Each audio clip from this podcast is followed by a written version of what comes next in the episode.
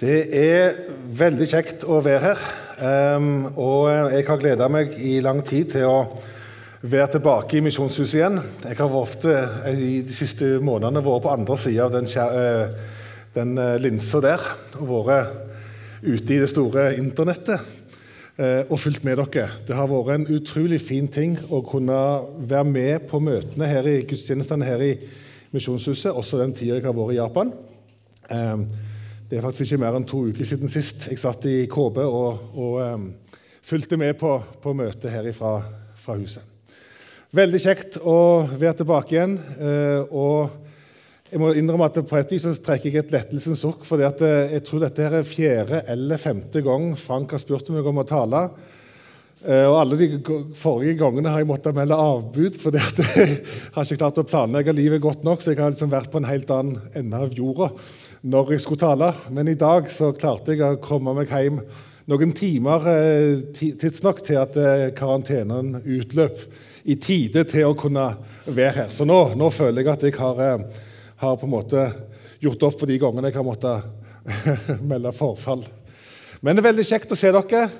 Og selv om det er begrensninger i å samles, så er det viktig at vi samles likevel. Og, og som Geir sa, selv om vi er det antallet vi er her inne i dag, så er vi et mye større fellesskap som er samla om Guds ord her i dag. Og Vi skal lese Guds ord eh, fra Lukasevangeliet, kapittel 1, fra vers 39 til 45. Da er dere lydige og reiser dere før jeg ber dere om å gjøre det. Det er veldig bra. Og Der står det sånn i Jesu navn. Maria men Maria brøt opp i de dager og skyndte seg til fjellbygdene, til en by i Juda.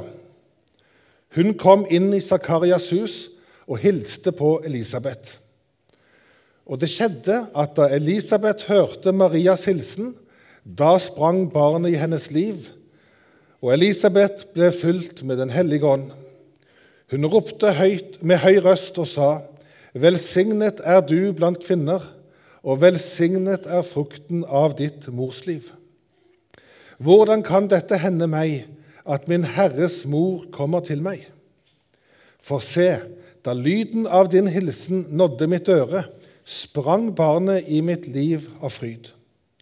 Salig er hun som trodde, for fullbyrdet skal det bli som er sagt henne av Herren. Amen. Vær så god, sitt.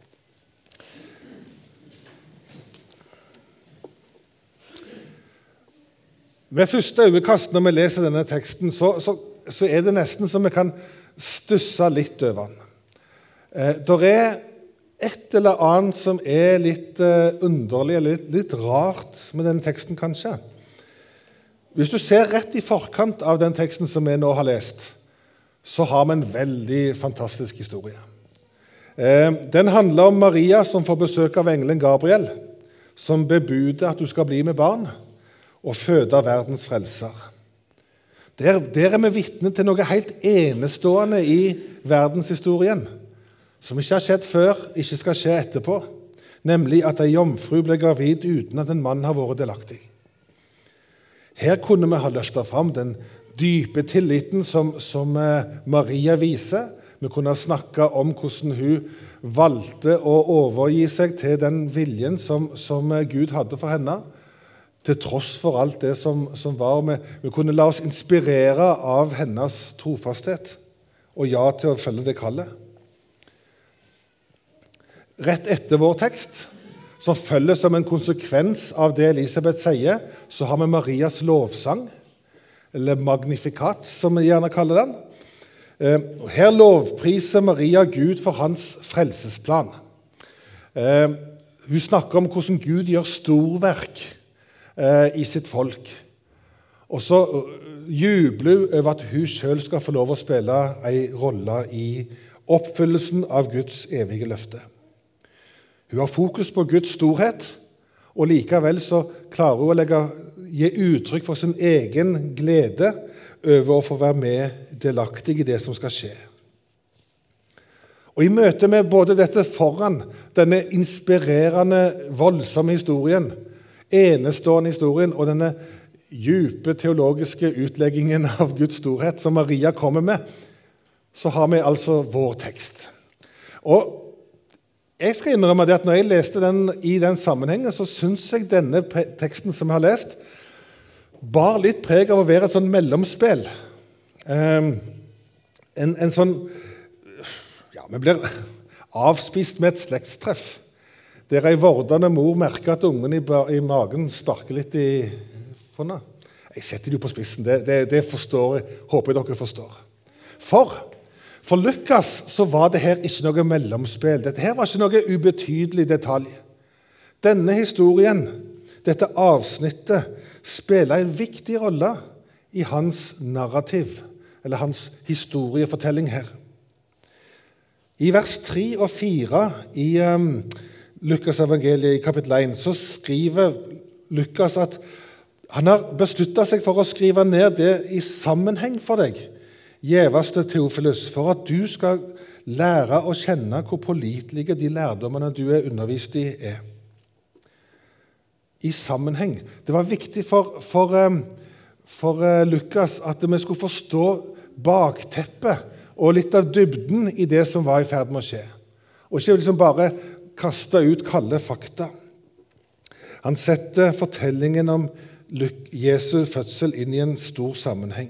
Og Det bruker han to uvanlig lange kapitler på å gjøre. Kapittel 1 og kapittel 2. Eh, og De beveger vi oss ganske mye i nå i advent- og juletida, så mange av disse episodene som er eh, gjenfortalt her, de, de, eh, de kjenner vi tålelig godt. Kapitlene er delt inn i to, to og en halv historier. Det er ti forskjellige episoder som knyttes sammen til en stor helhet, som slutter en ring fra Zakaria i tempelet til Jesusbarnet når han var tolv år gammel, fikk komme tilbake til tempelet, og hvordan, hvordan budskapet som ble gitt i tempelet, ble oppfylt ved Jesus når han satt og samtalte med, med eh, fariseerne, de skriftlærde i tempelet, tolv år seinere. Men det er jo helt på tampen da, av de to kapitlene. Det, det som jeg syns har vært litt fascinerende når jeg har sittet og lest på disse, disse eh, tekstene nå det siste, så det er hvor stor rolle Lukas tillegger foreldrene i historien. Strengt tatt så må vi jo være enige om at det er Johannes-barnet og, og Jesus-barnet som er, som er liksom kjernen, eller viktige, for å si det sånn, i historien. Men Lukas han har fram, i sin framstilling så, så, er det foreldrene som får eh, oppmerksomheten. Og I lys av akkurat det så syns jeg det er veldig stas å kunne eh, holde denne talen i en dåpsgudstjeneste. Eh, det å få være vitne til at Lydia ble døpt her i dag, det er både vakkert og rørende. Det, det syns jeg hver gang jeg er eh, med på dåp. Og Back in the days så var det jeg som var forsamlingsleder her i Misjonshuset. Det var så lenge siden at det var ikke engang lov å kalle det pastor den gangen. Men, eh, men det er nå så. Og Den gangen så var det mitt privilegium å stå her og, og ønske velkommen til dåp. Og Det er noen av de flotteste minnene jeg har fra den tjenesten jeg hadde der. Og det, jeg må innrømme det, Frank, at det hender jeg får et snev av misunnelse når du smilende trår fram her og ønsker dåpsfølget velkommen opp. Eh, jeg vet hvor kjekt og stas det er, eh, så, det må jeg unne deg hver gang du får oppleve det. Men ja, det det er gøy å oppleve. Hintet tatt. Men nok om det. Eh, det er Lydia som er jeg, hovedpersonen i dåpsfamilien i dag. Det må vi ha lov å si. Og Det tipper jeg alle generasjoner som er her i dåpsfølget, er enige om. I dag handler det om Lydia. Men det er, det er Emilie og, og Mar Marius som har jobben, som følger med. Um, I dag er det dere som sammen med øvrig familie og venner skal samle på minner om dagen for Lydia. For det må vi regne med at hun kommer ikke til å ha så mange aktive minner fra dagen i dag. Men dere skal i sin tid kunne fortelle henne om det som skjedde i dag og, og hvor viktig og skjellsettende denne dagen er for et menneske. Det er dere som har lova å oppdra henne i den kristne tro. Det er et stort og viktig oppdrag dere har tatt på dere, og som Frank sa, den jobben vil vi som fellesskap ta del i. Så gratulerer med dagen, og takk for at jeg får spille en liten rolle her som med å legge fram Guds ord. Og På samme måte altså, som at det, i dag i dåpsfølget så er det, eh, så er det eh, Lydia som er hovedpersonen, men likevel så spiller foreldrene en stor og veldig sentral, viktig rolle. På samme måte er det i Lukas 1 og 2. Her får vi langt på vei se hendelsene gjennom foreldrenes øyne. Eh, hvordan de opplevde det som skjedde. Og Det står jo faktisk veldig mye mer om både Zakaria og Elisabeth og om Maria og Josef enn det står om Johannes og Jesus i disse to kapitlene her. Ehm, selv om de, altså tatt, de to guttene er strengt tatt er kjernen. Og Hvis vi går tekstene litt nærmere etter i sømmene, så er det mye jeg vil nesten kalle det ekstrainformasjon her. Som strengt tatt ikke var nødvendige hvis poenget til Lukas var å si at eh, Johannes er født inn i en prestefamilie, Jesus er født inn i den familien. Ferdig snakka. Nei, her er det mye mer eh, som ligger til grunn. Og det ligger mye viktig informasjon i disse detaljene.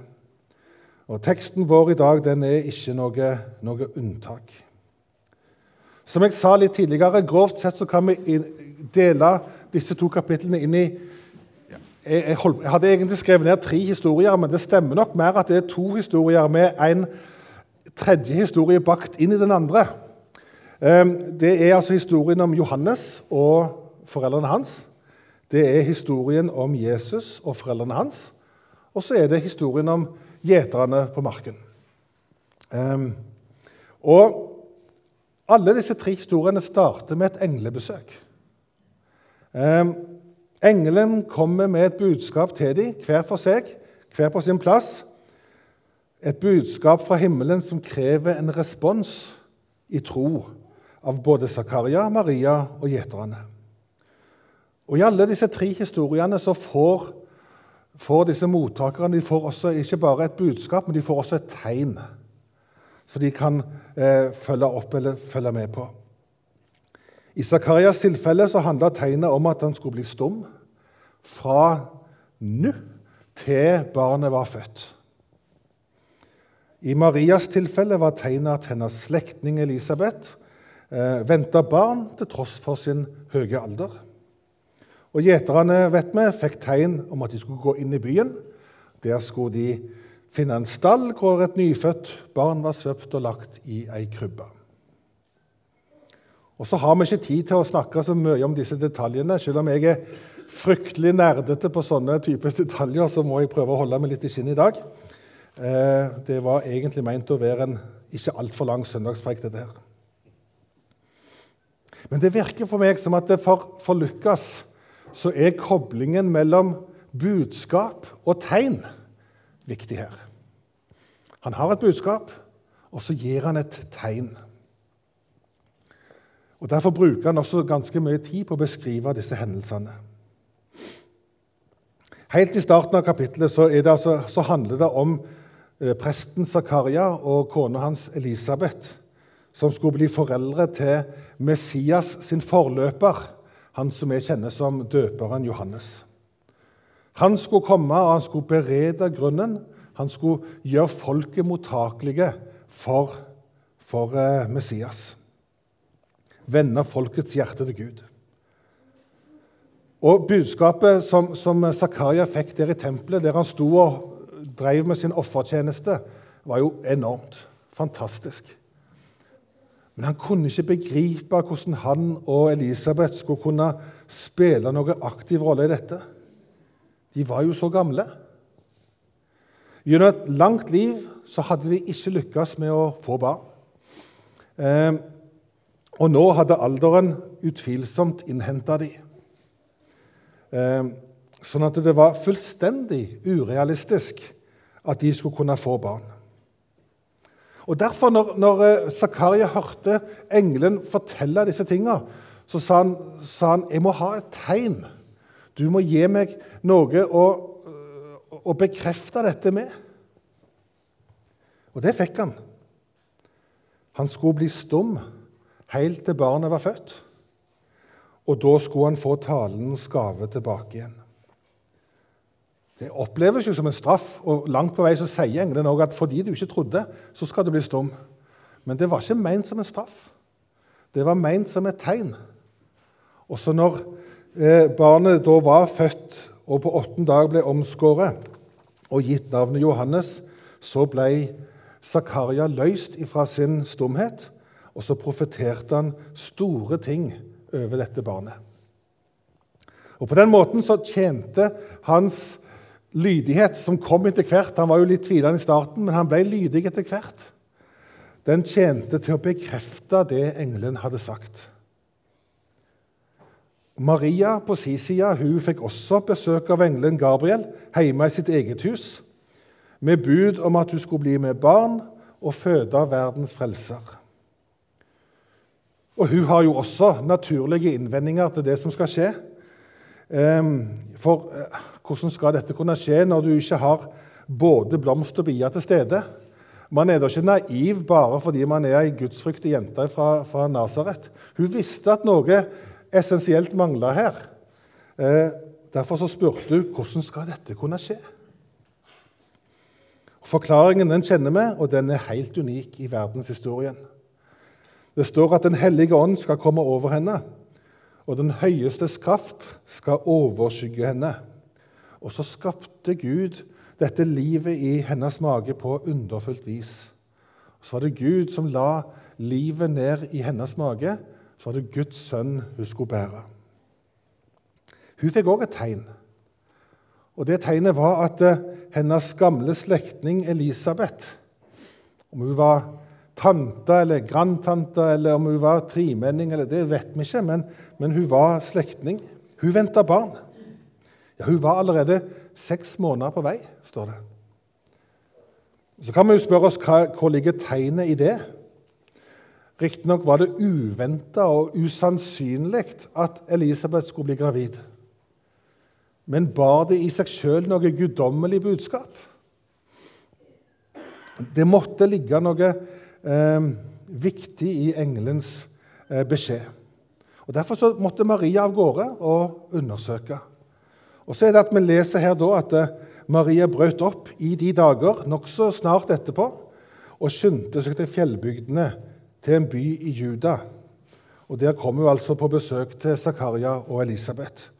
Og Det første som møtene i Zakarias hus eh, når hun møter Elisabeth, det er en uoppfordra bekreftelse fra Gud.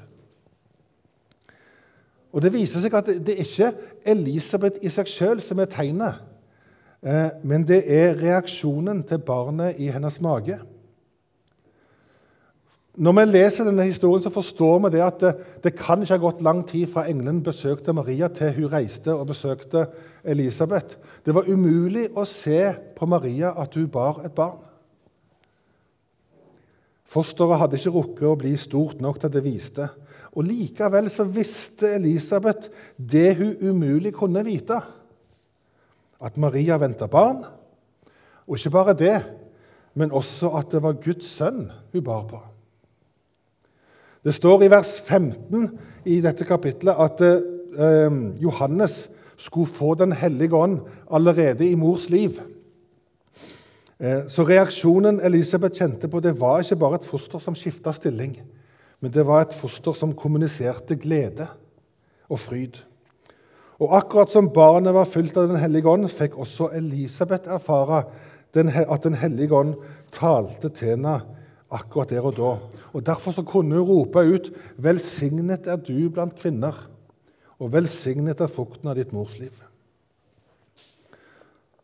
Uoppfordra fikk Maria en bekreftelse på at det hun hadde, hadde hørt engelen fortelle, det måtte være sant. Det måtte stemme. Og så har jeg tenkt på Det det betyr enormt å få bekreftelser i livet. En ting er det å kunne bekrefte hverandre som, som mennesker. For den vi er, og for det, den, det individet vi er, vår verdi. Men jeg tenker også like mye på sånn rent praktisk eh, når du har bestilt en vare via nettet. og Det er det sikkert flere enn meg som har gjort i det siste. Så er det fryktelig greit når um, du får den mailen som bekrefter at bestillingen er mottatt. Um, da er du sikker på at hvis det skulle bli noe krøll, så har du noe å vise til. at ja, men jeg har jo faktisk bestilt. uh, og sånt. Selv må jeg innrømme at jeg var veldig glad uh, da bekreftelsen her for en stund siden kom om at ombookingen av flyet mitt fra Japan var i orden.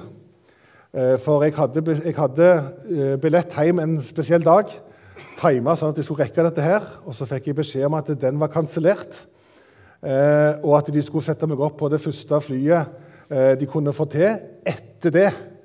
Men da hadde jeg sittet på Justvik og revet meg i håret akkurat nå, for det hadde ikke vært tidsnok til å komme her i dag. Så Derfor så måtte jeg eh, ta kontakt med flyselskapet og si er det mulig å flytte det fram. og det, det, var det. Så det, Derfor så fikk jeg komme. Og den bekreftelsen der den må jeg innrømme gjorde godt. En bekreftelse betyr som regel at ting er som du forventer eller tror det skal være. Og Uten sånne ytre stadfestelser så kan man gå rundt med en sånn liten usikkerhet i magen. Forsto jeg det rett? Eh, har de fått søknaden min? Er pakken kommet fram? Og sånne ting. Og Når meldingen da kommer på telefonen din om at eh, nå står jeg her med pakken i hånda, takk skal du ha, ja, da kan du vite at nå er alt i orden. Det å få bekreftelser, det er veldig viktig for oss. Og Når vi vet hva slags omkostning Maria var i ferd med å ta inn over seg, så må det ha betydd alt for henne når hun kom til Elisabeth og ble møtt med en jubel og en ærbødighet. Hvordan kan det være at du som er eh, At min Herres mor kommer til meg? Salig er hun som trodde, for fullbyrdet skal det bli, som er sagt henne av Herren. Det som engelen har lova deg Elisabeth visste ikke hva det var, men det engelen hadde, hadde lova, det skal skje. Vær ikke redd. Hvil i denne bekreftelsen på at det du har tatt inn over deg, det skal skje. For det var jo sånn at engelens budskap den tvang både Zakaria, Maria og gjeterne til å ta noen skritt i tro. Eh, det var ikke sånn at bekreftelsen kom umiddelbart etterpå. eller noe sånt. De måtte ta noen skritt i det usikre før de fikk denne bekreftelsen. Zakaria fikk ikke noe hjelp av noen helligånd eller høyeste skygge. Han dro hjem fra tempelet og måtte skape et barn sammen med Elisabeth, til tross for sin høye alder. Maria stilte seg til tjeneste for Gud, og da ble hele hennes liv snudd opp ned. Alt hun hadde av forventninger til livet, ble endra. Og hun sto alene med denne kunnskapen om det som hadde skjedd. Og vi kan knapt forestille oss hvor ensomt det må ha vært. Vil noen tro meg når jeg forteller dem hva som har skjedd? Det er den slekkeste unnskyldningen i verdenshistorien. En engel, liksom.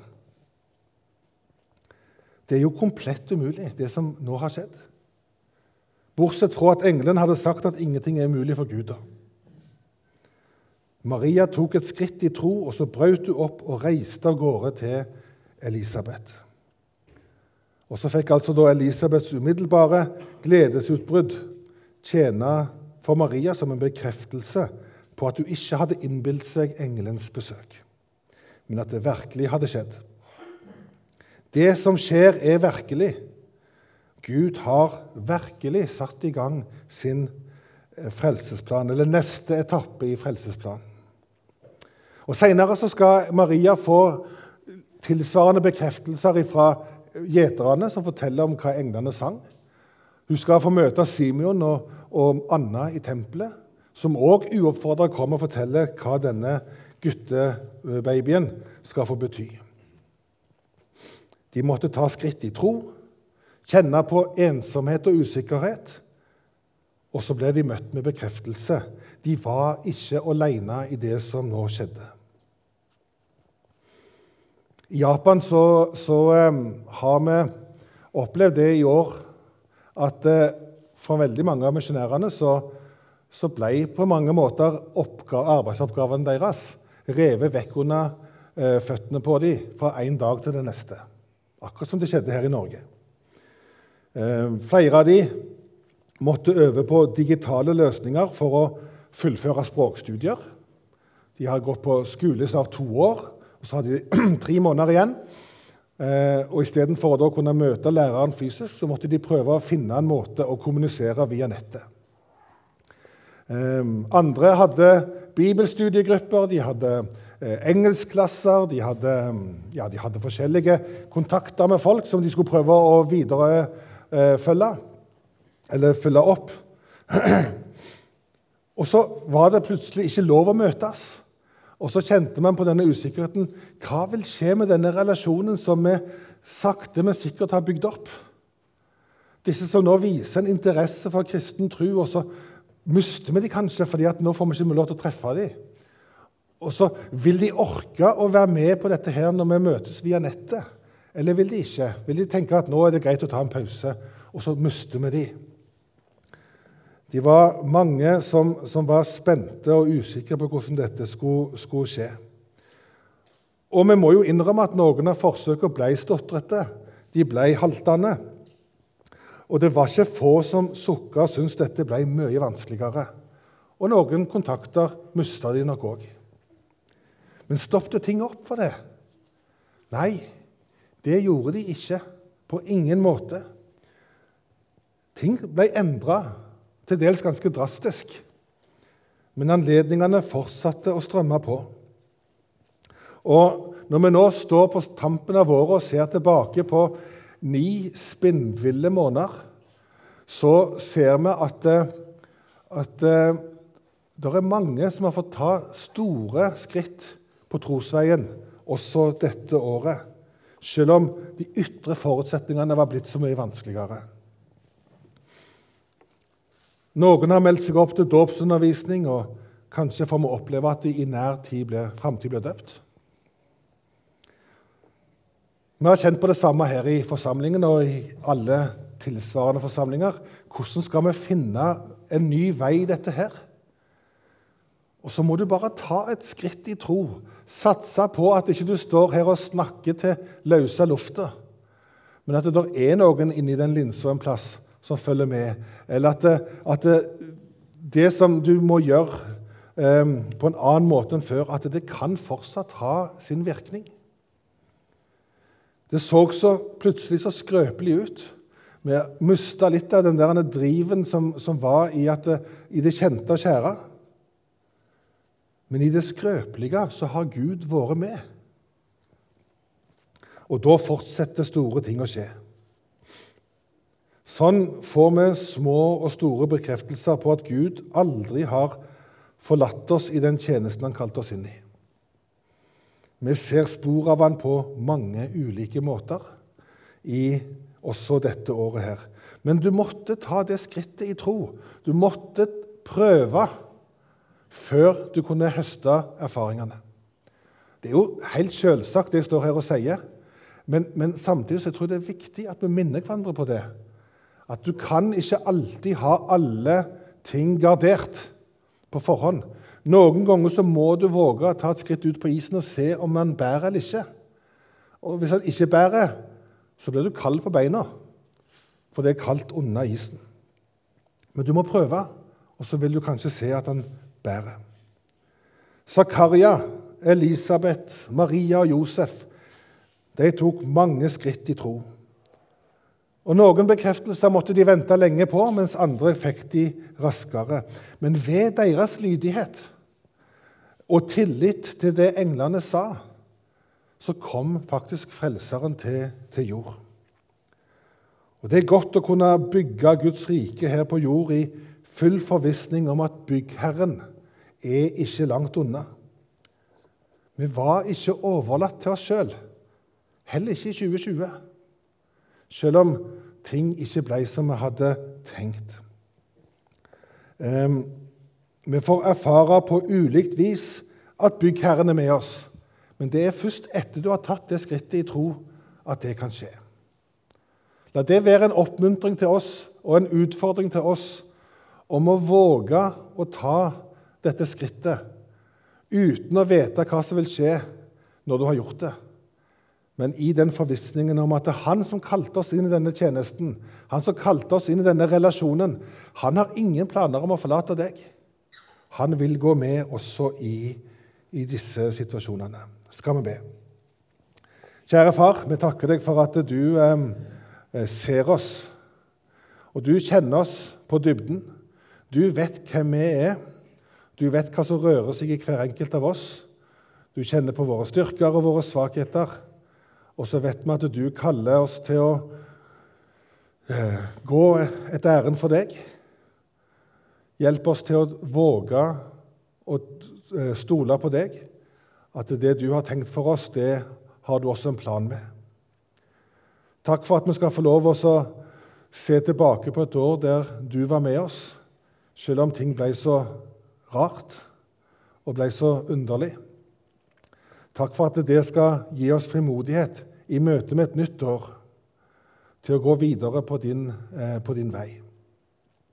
Må du velsigne hver enkelt som er samla, og som lytter til oss i dag. La oss få kjenne på at du holder de hånd over oss. Amen.